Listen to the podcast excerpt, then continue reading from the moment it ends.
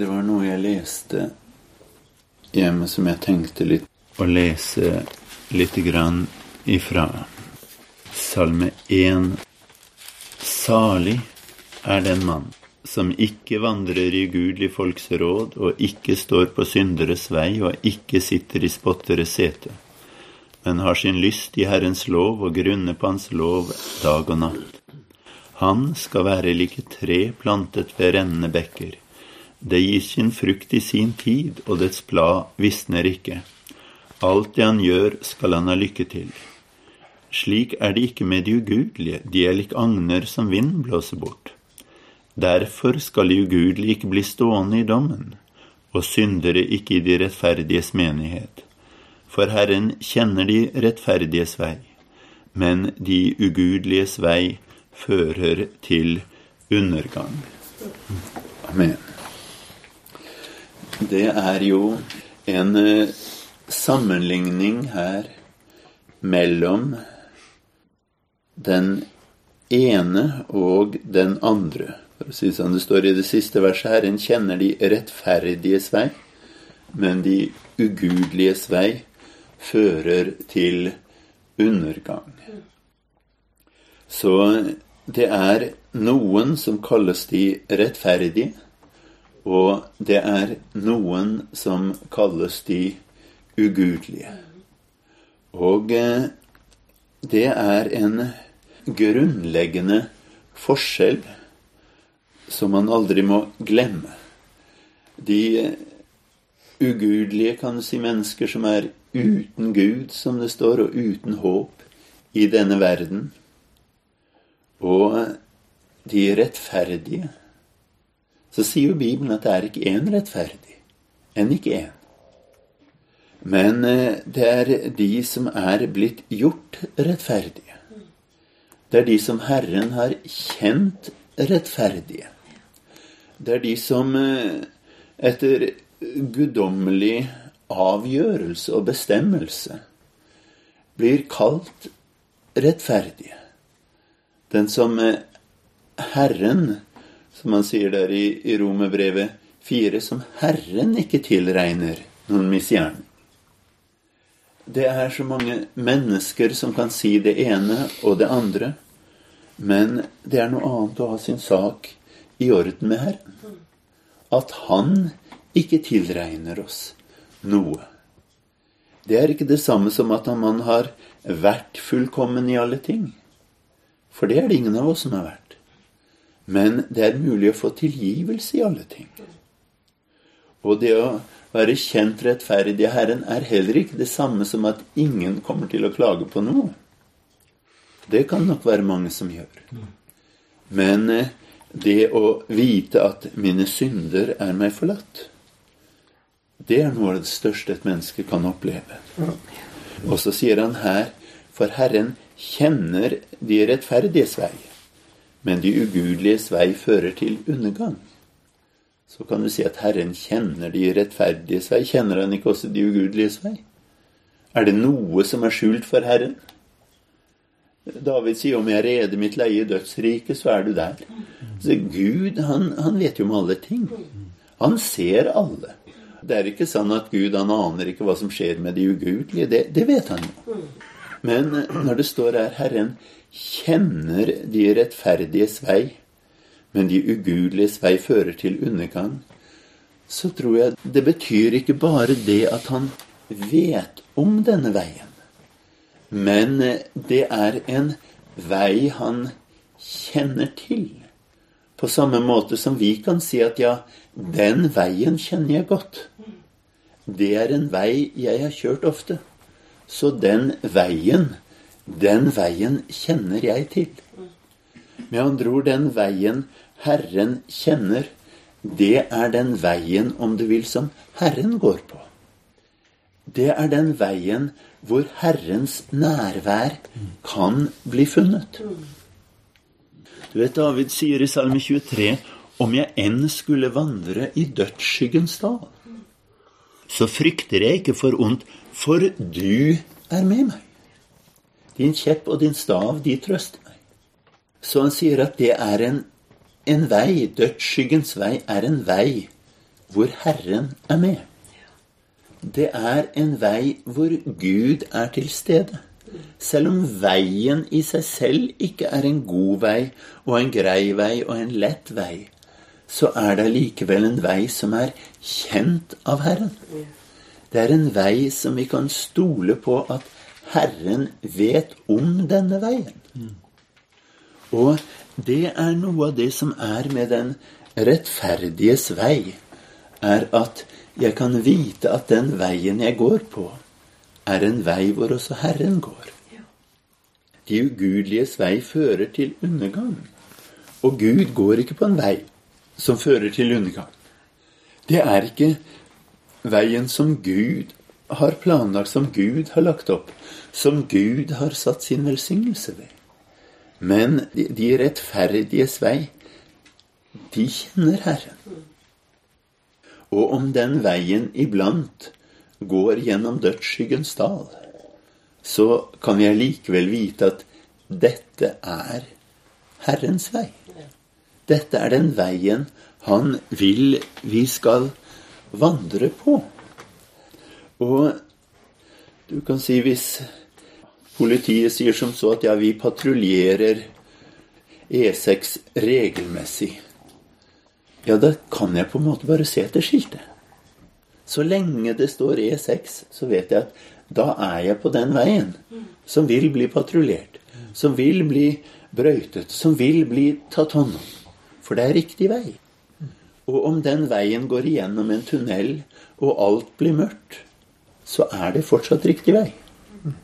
Og om den veien går gjennom en dyp dal så du ikke ser sola noe sted, så er det fortsatt riktig vei.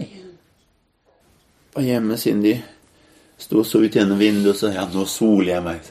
For nå var det akkurat der hvor sola kom opp, sånn så du så vidt kunne se den før den forsvinner ned igjen.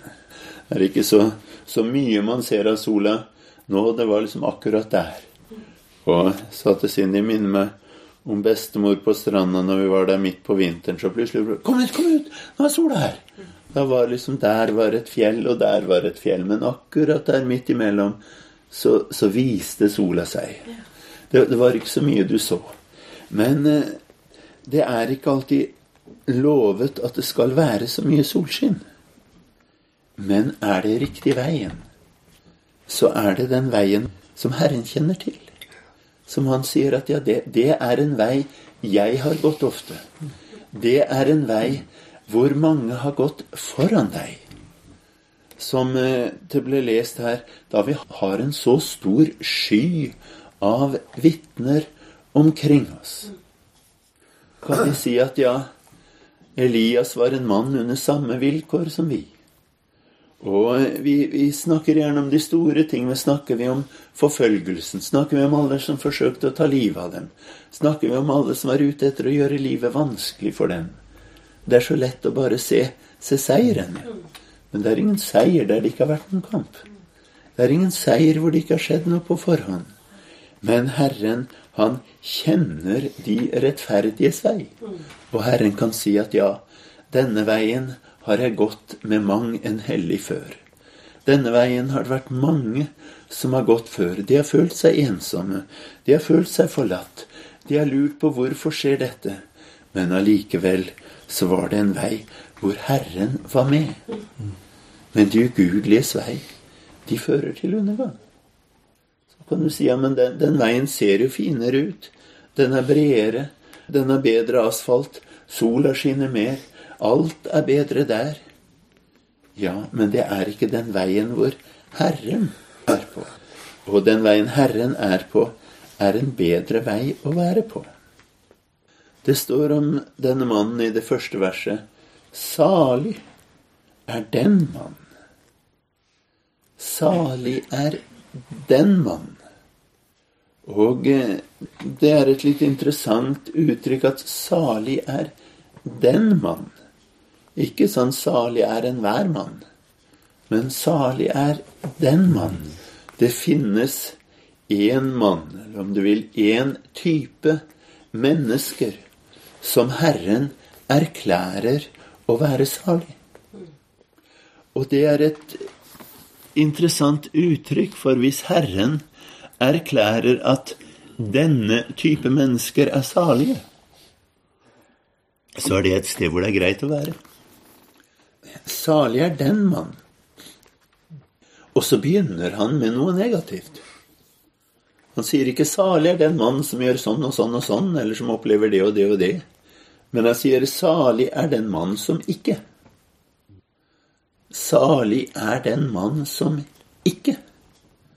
Og eh, det høres ut som en veldig negativ åpning. Salig er den som ikke.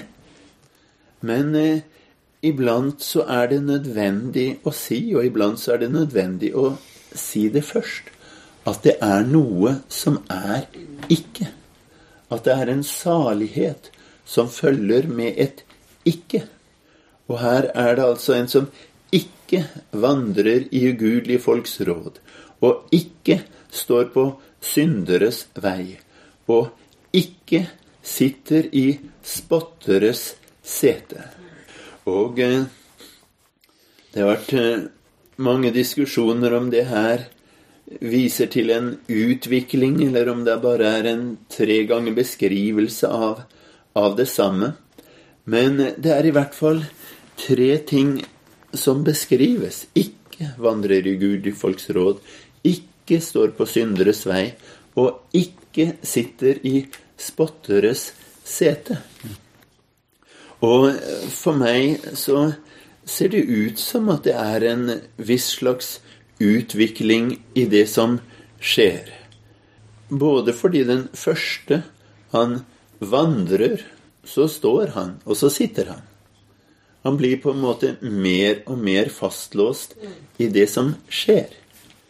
Men også, hvis du ser på den siste, han sitter i spotteres sete. Vel, hvem er det som sitter i spotteres sete? Det er jo den som er en spotter selv. Det er kun spottere som sitter i spotteres sete. Du kan ikke sitte der hvis du ikke er en spotter. Den som sitter i spotteres sete, er en som selv spotter. Og det samme en som står på synderes vei. Vel, hvis det er synderes vei, og en står der, så må han jo være en synder. Så på en måte så beskriver de to siste uttrykkene en som er en synder, og en som er en spotter. Men hvis du ser på den første, han vandrer i ugudelige folks råd. På en måte så høres det ut for meg som at her er det en som foreløpig ikke er kommet dit hen at han er ugudelig, men at han har begynt å lytte til de ugudelige. At han har begynt å høre på dem. Han vandrer i ugudelige folks råd. Han hører på det disse ugudelige folk har å si. Han eh, tar deres rådgivning til etterretning. Og på mange måter så ser det ut som at det er det som er måten det begynte på. At han begynte å høre på det som ugudelige mennesker sa. Og når man begynner å høre på det de ugudelige menneskene sier, så blir det lett til at man begynner å tenke som ugudelige mennesker tenker. Man begynner å vandre som ugudelige mennesker vandrer. Og da er man fort inne på spotteres vei. Og da kan man fort ende opp med å sitte i spotteres sete. Men det begynte med å lytte til feil råd. Det begynte med å lytte til hva verslige, hva ugudelige mennesker hadde å si så kan du si at eh, ja, men kan det ikke være mye klokt og riktig og godt i det ugudelige mennesker sier? Og det, det kan det være. Men det er alltid en fare ved å vandre i ugudelige folks råd. For det er ikke sikkert at de har fått med seg hva Gud sier. Og derfor så ser vi at eh, det som er motsetningen her Han sier 'salig er den mann som ikke, men som har'.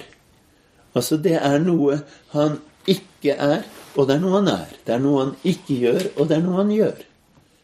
Det er noe han ikke holder på med, og det er noe han holder på med. Men dette ikke, det var vandre i gudelig folks råd, stå på synderes vei, sitte i spotteres sete.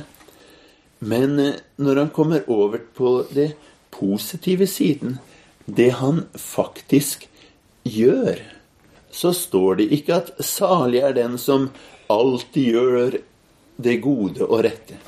Det står ikke 'salig er den som alltid er på de velsignedes vei'. Det står ikke 'salig er den som alltid sitter i lovpriserens sete'. Det, det, det står ikke noe om det. Det det står, er at han har sin lyst i Herrens lov, og grunner på Hans lov dag og natt. Så på en måte så trekker han en motsetning ikke til punkt to og punkt tre, men bare til punkt én. Det første punktet, det var hva lytter du til? Hvis du vandrer i ugudelige folks råd, så betyr det at du lytter til hva de har å si, hva de har å foreslå, hva de tenker, hva de mener. Og motsetningen til å lytte til hva de sier og mener og tenker, det er å ha sin lyst i Herrens lov og grunne på Hans lov dag og natt. Men burde han ikke fortsatt og sagt noe om at og han står på denne veien, og han sitter i dette setet? Men han gjør ikke det. Og jeg tror kanskje grunnen til det er at det å stå på synderes vei og det å sitte i spotteres sete, det blir resultatet av å lytte til feil råd. Dersom man vandrer i ugudelige folks råd, dersom man lytter til hva de sier, så blir resultatet at man tenker som de tenker, man gjør det de gjør, man tror det de tror, man er der de er, og man oppfattes som de oppfattes. Men skal jeg endre på dette, så er det viktig at man går over til dette har sin lyst i Herrens lov og grunner på Hans lov dag og natt. Det gjør noe med tankene våre. Det gjør noe med holdningen vår som gjør at vi ikke lenger blir lik de som er rundt oss. Jeg har nevnt noen ganger før denne beretningen tilreisende predikanten var og besøkte en som bodde der på stedet. og så var de ute og kjørte og stoppet. Han gikk ut for å kjøpe seg en avis. Han snakka jo litt med han avismannen, han kioskmannen, og han var bare sur og gretten og uhøflig uansett hva det var han sa. Mens han eh, lokale predikanten han var nå blid og høflig og hyggelig og sa ja, ha en god dag idet han gikk. Og så sa han tilreisende at du verden hvor gretten han var i dag. Nei, sa han, han er sånn hver dag, han. Så ja, men så, hvorfor var du så hyggelig mot han når han var så gretten mot deg? Nei, sa han, men han skal da ikke bestemme hvordan jeg skal være. Og det, det er noe veldig stort i det. Hvem er det som bestemmer hvordan jeg skal være? Er det min gretne nabo eller min gretne slektning eller min uh, sure kollega, eller hvem er det som skal bestemme hvordan jeg skal være? Det står at dårlig omgang forderver gode steder. Og det er det hvis jeg tar og tar til meg av andre menneskers, ugudelige menneskers råd, så kan min levestil bli dannet lik med deres. Men hvis jeg har min lyst i Herrens lov, og grunner på Hans lov dag og natt, og til stadighet spør meg, Herre, hvordan vil du jeg skal leve? Hvordan vil du jeg skal tenke? Hvordan vil du jeg skal svare? Hvordan er det du ønsker at jeg skal være i møte med gretne mennesker, med negative mennesker, med løgnaktige mennesker, med nedbrytende mennesker? Hvordan, hvordan vil du at jeg skal være? Så lytter jeg til råd som kommer fra et annet sted. Noe som kommer ikke fra de mennesker vi omgås, men som kommer ifra Herren. Og nokså berømt denne undersøkelsen som ble foretatt en gang i tiden.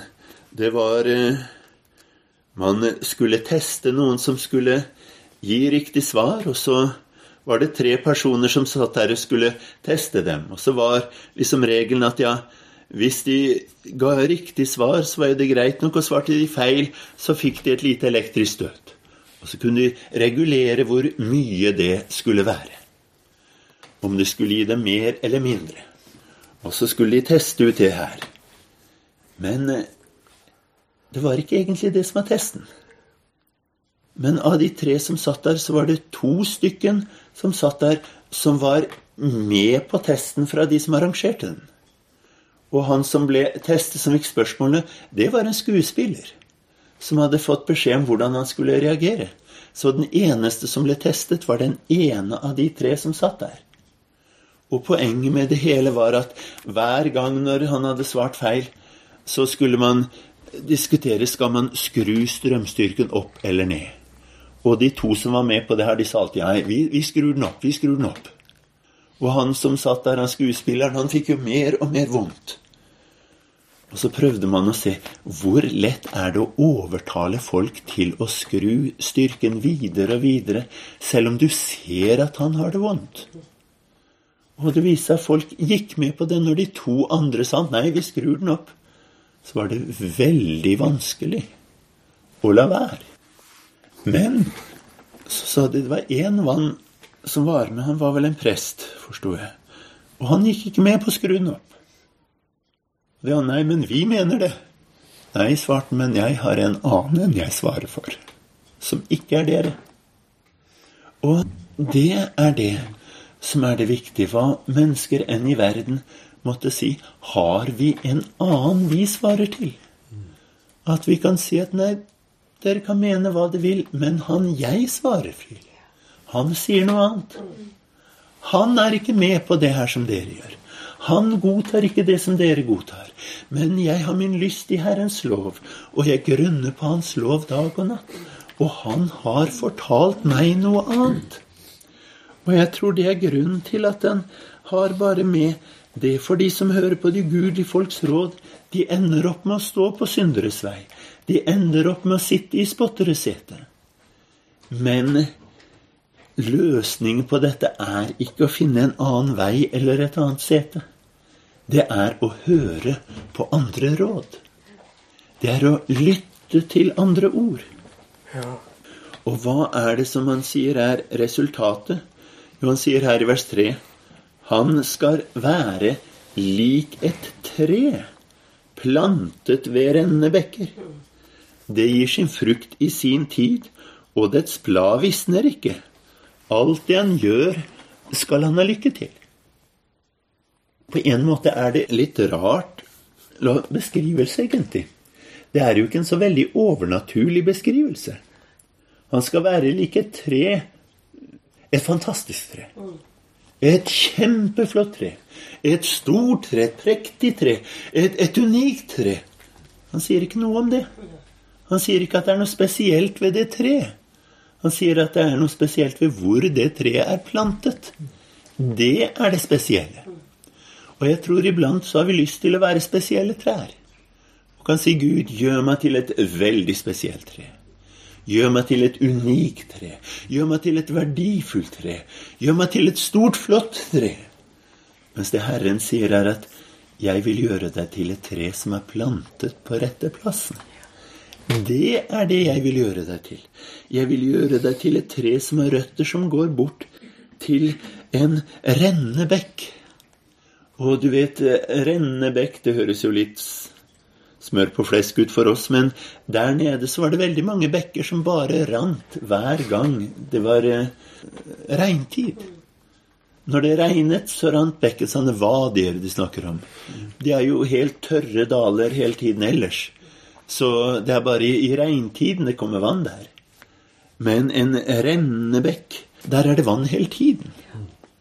Og han sier at den som har sin lyst Herren, i Herrens lov, grunner på Hans lov dag og natt. Han blir ikke til et annerledes tre, men han er et tre som er plantet på et annet sted. Han er plantet på et sted hvor det renner vann hele tiden.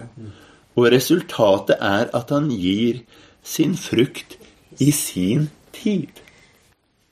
Ja, men jeg har lyst på frukt hele tiden.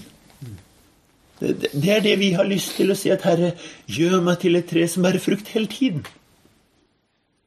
Men eh, den litt underlige beskrivelsen her, her er en som gir sin frukt i sin tid. Frukten kommer når den skal være der. Og eh, du vet, Jesus sier til dem at vær ikke bekymret, for eh, dere skal bli ført fram for domstoler og for konger og det ene med det andre. Så vær ikke bekymret for hva dere skal si, for det skal gis dere i samme stund. Ja, men jeg har jo lyst til å vite det hele tiden. Ja, nei, det er ikke sikkert jeg får. Men det vil komme i samme stund. Som dagen er, skal styrken være. Ja, men jeg har lyst til å ha store muskler. Nei, han, lover ikke store muskler. Han har lovet styrken som dagen er. Han har lovet frukt i sin tid. Og det er det spesielle med det løftet som han bringer frem her, at det er så lite spesielt. Det ser så lite mirakuløst ut. Han sier ikke at den som har sin lyst i Herrens lov og grunner på en hans lov dag og natt, han skal være et tre av en type som ingen andre har sett. Nei, han sier at han er fortsatt det samme gamle treet. Bare nå er han plantet ved rennende bekker og gir frukt i sin tid. Det er noe som kommer når det er behov for det. Det er et vitnesbyrd man kun kan avgi mange år senere. Og si at Herren har vært med hele tiden. Herren har vært med hver dag. Jeg så det ikke så tydelig den gangen, men nå ser jeg det. Nå ser jeg at dette er så helt annerledes. Og det samme den siste setningen som han sier Alt det han gjør, skal han ha lykke til. Ja, men legg merke til Det er ikke så mye mirakel i det. Mirakelet vil jo være han gjør ingenting. Han setter seg ned og lener seg tilbake, så gjør Herren det for ham. Det vil jo være mirakelet. Det er jo det som ville vært det store og fantastiske, det man virkelig kunne skrevet et vitnesbyrd om i avisen. At jeg gjorde ingenting, men allikevel så skjedde det. Men eh, det er ikke det løftet han kommer med. Løftet han kommer med, er at alt det han gjør, skal han ha lykke til. Løftet er på en måte at uh, sett i gang og jobb. Ja, men det høres jo ikke ut som et løfte. Sett i gang og jobb. Et løfte måtte jo være 'la være å jobbe'.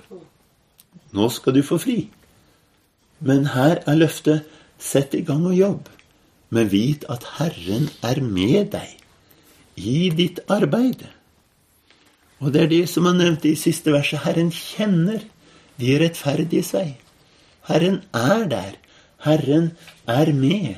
Herren velsigne dine henders gjerning. Alt det han gjør, skal han ha lykke til. Det er på mange måter velsignelser som høres så, så lite velsignet ut. Ikke blir vi et spesielt tre, og ikke får vi oppleve mirakler.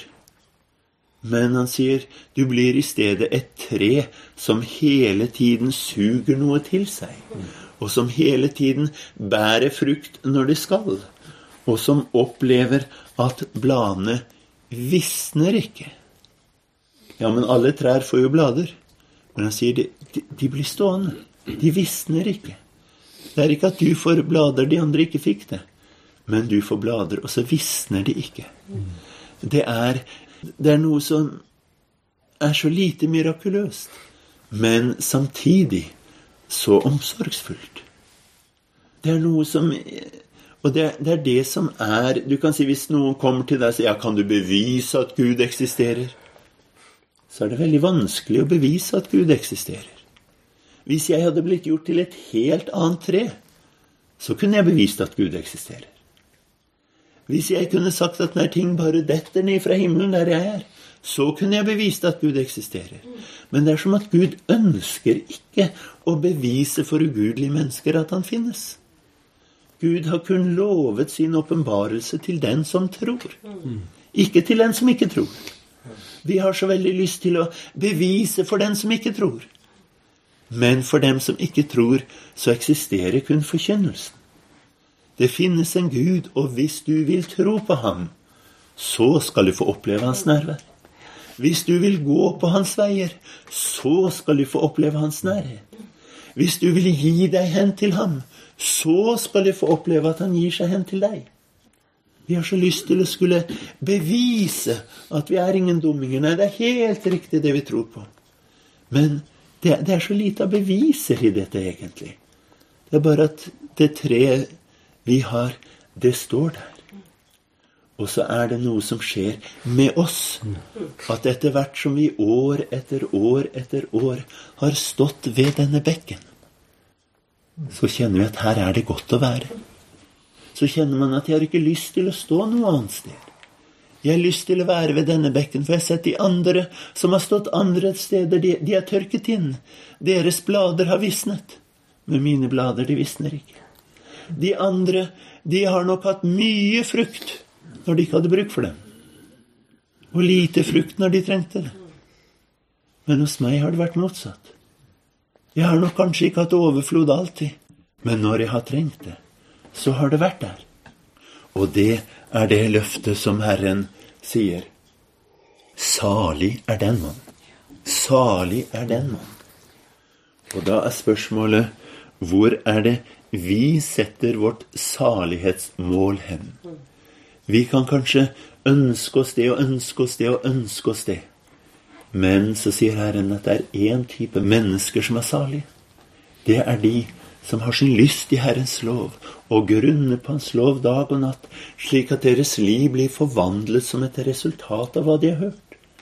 De får et liv som har en stadig velsignelse. De får et liv som ikke trenger liksom en, en regnskur nå og da, men som har de rennende bekker ved siden av, og som får oppleve om det regner eller ikke, om solen skinner eller ikke, så er jeg allikevel velsignet. Så har jeg allikevel det jeg trenger til. Og det er det han sier om de ugudelige, vers 4. Slik er det ikke med de ugudelige. De er lik agner som vinden blåser bort. De har ikke noe innhold. De har det samme på utsiden, men de har ikke noe på innsiden. De har ikke noen tyngde, så de blir værende der. Og det, sier han, det er forskjellen. At noen har fått en tyngde på innsiden. At noen har fått et liv som hele tiden er der. Og derfor skal de ugudelige ikke bli stående i dommen, og syndere ikke i de rettferdiges menighet. Det er ikke fordi de manglet de store miraklene. Det er ikke fordi de ikke var de helt spesielle, men fordi de ikke opplevde denne daglige nærværet med Herren. Har sin lyst i Herrens lov og grunner på Hans lov dag og natt. Dag og natt. Dag og natt. En stadig tilbakevendelse til Herren. Det å stadig komme tilbake til Ham. Den som er frelst, kan nok gråte i problemer. Den som er frelst, kan nok bli fortvilet i vanskeligheter. Men allikevel så er det noe som er der og forblir der hele tiden. Og du vet det, det er enkelte ting man kan snakke om liksom Å, hva skal du gjøre hvis du vinner i Lotto? For det høres så stort og flott ut i å vinne i Lotto. Men mye bedre enn å vinne i Lotto er det jo å ha en fast jobb som gir deg en fast inntekt, som hver eneste måned betaler de utgifter du har. Ja, men hadde jeg vunnet i Lotto, så hadde jeg så mye. Da kunne jeg gjort oh, Hva kunne jeg gjort? Ja, men kommer fort, går fort. Men eh, det å kunne si at jeg har hatt en fast jobb hele mitt liv, det høres ikke ut som noe fantastisk. Men allikevel, hvilken fantastisk velsignelse for den familie som kan oppleve det. At vi har hatt vår inntekt, den har kommet hver eneste måned. Tolv ganger i året så har vi fått den, og den har betalt regningene våre. Vi har klart oss hele tiden. Det, er liksom ikke noe å skryte sånn som at 'jeg vant i Lotto', 'jeg vant en million'. Men allikevel så er det noe som holder det gående. Det er noe som gjør at man lever. Og slik er det å ha dette forholdet til Herren, at jeg kan si at ja, jeg får min faste lønn. Det er nok ikke noe som skinner så mye, men det dekker mine utgifter. Det dekker mine behov. Den bærer frukt i sin tid. Når jeg har behov, så kommer den. Du vet, Jesus lærte oss å be. Gi oss hver dag vårt daglige brød. Han lærte oss ikke å be at gi oss en fantastisk bakeriforretning en dag. Men hver dag vårt daglige brød. Hver dag det jeg trenger til. Hver dag det som fyller mine behov. Og den som lærer seg å leve med det, og ha sine daglige behov møtt av Herren, han opplever en salighet som er uforståelig for andre mennesker. Det er en salighet som ikke er så lett å forstå. Du vet, Ungdommer de kan ikke så lett forstå velsignelsen med å ha hatt den samme jobben i 40 år. De skjønner liksom ikke det. De vil forstå velsignelsen ved å vinne i Lotto. Den kan alle forstå. Men den velsignelsen ved det faste, det stadige, det, det, det er ikke så lett å skjønne. Velsignelsen i en forelskelse, det kan alle forstå. Men velsignelsen i den kjærlighet som er der, år etter år etter år etter år, den er ikke så lett å forstå for ungdommer.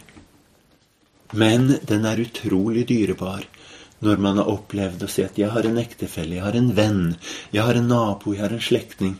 De kan jeg stole på. De er der. Det er en velsignelse som betyr mer og mer og mer ettersom tiden går. Ikke de store opp og store ned, men det som er der, har sin lyst i Herrens lov, grunner på Hans lov dag og natt. Han skal være like tre plantet ved rennende bekker. Det er noe som ikke høres så spesielt ut, men som er der til stadighet. Kjære Gud og Far. Å, Herre Jesus. Du ser, Herre, at vi kan gå gjennom mange mørke daler, Herre. Vi kan gå gjennom mange trengsler. Vi kan gå gjennom mange problemer. Men kjære Gud og Far, takk, Herre, at om du ikke frir oss ut av dem, Herre, så er du med oss igjennom dem, Herre Jesus. Å, Herre, du har sagt hva skal skille oss fra Kristi kjærlighet? Men så har du sagt i alt dette vinner vi mer enn seier. Ikke når vi går utenom, Herre, men når vi går igjennom, så kan vi få kjenne din seier. Så kan vi få kjenne din makt, Herre. Å, Herre, du er den som fører oss gjennom stormen. Du er den som fører oss gjennom vanskelighetene. Du er den som fører oss gjennom prøvelsene. Du er den som fører oss gjennom hverdagene som det er så mange av, Herre. Og du er den som kan si at 'jeg kjenner din vei'. Jeg vet om den, jeg har vært der. Jeg vet hvor den kommer fra, jeg vet hvor den går hen. Jeg vet hvor du var i går, og jeg vet også hvor du skal være i morgen. Og jeg er her med deg hver eneste dag. Takk, kjære Gud og Far, at det er en slik Gud du er, Herre. Å, Herre, la oss ikke bli tiltrukket av de store opplevelser, Herre, av å skulle oppleve det som ser mektig ut i menneskers øyne, Herre. Etter å oppleve en rikdom i menneskers øyne, Herre Jesus, en vellykkethet som mennesker kan se. Men kjære Gud og Far, la oss få oppleve din fred, Herre, din kjærlighet, din glede, din nåde, din hjelp i trengsler funnet såre stor. Å Herre, la oss tre med frimodighet frem, Herre, for nådens trone, for å finne miskunnhet og nåde til hjelp i rette tid. Å Herre, du er den som alltid kommer i den rette tid, Herre. Vi føler iblant at du er for sent, Herre. men du kommer alltid i den rette tid. Og velsignelsen av å følge deg er frukten som kommer, Herre, i sin tid. Jeg ber deg, Herre, la oss ikke være så opptatt med å være vellykkede, Herre Jesus, eller å være store og fantastiske, men la oss være opptatt med å være salige. Være de som du erklærer å være saliggjort. Være blant dem, Herre, som har din velsignelse over sitt liv. Jeg ber deg, Herre, i Jesu navn. Amen.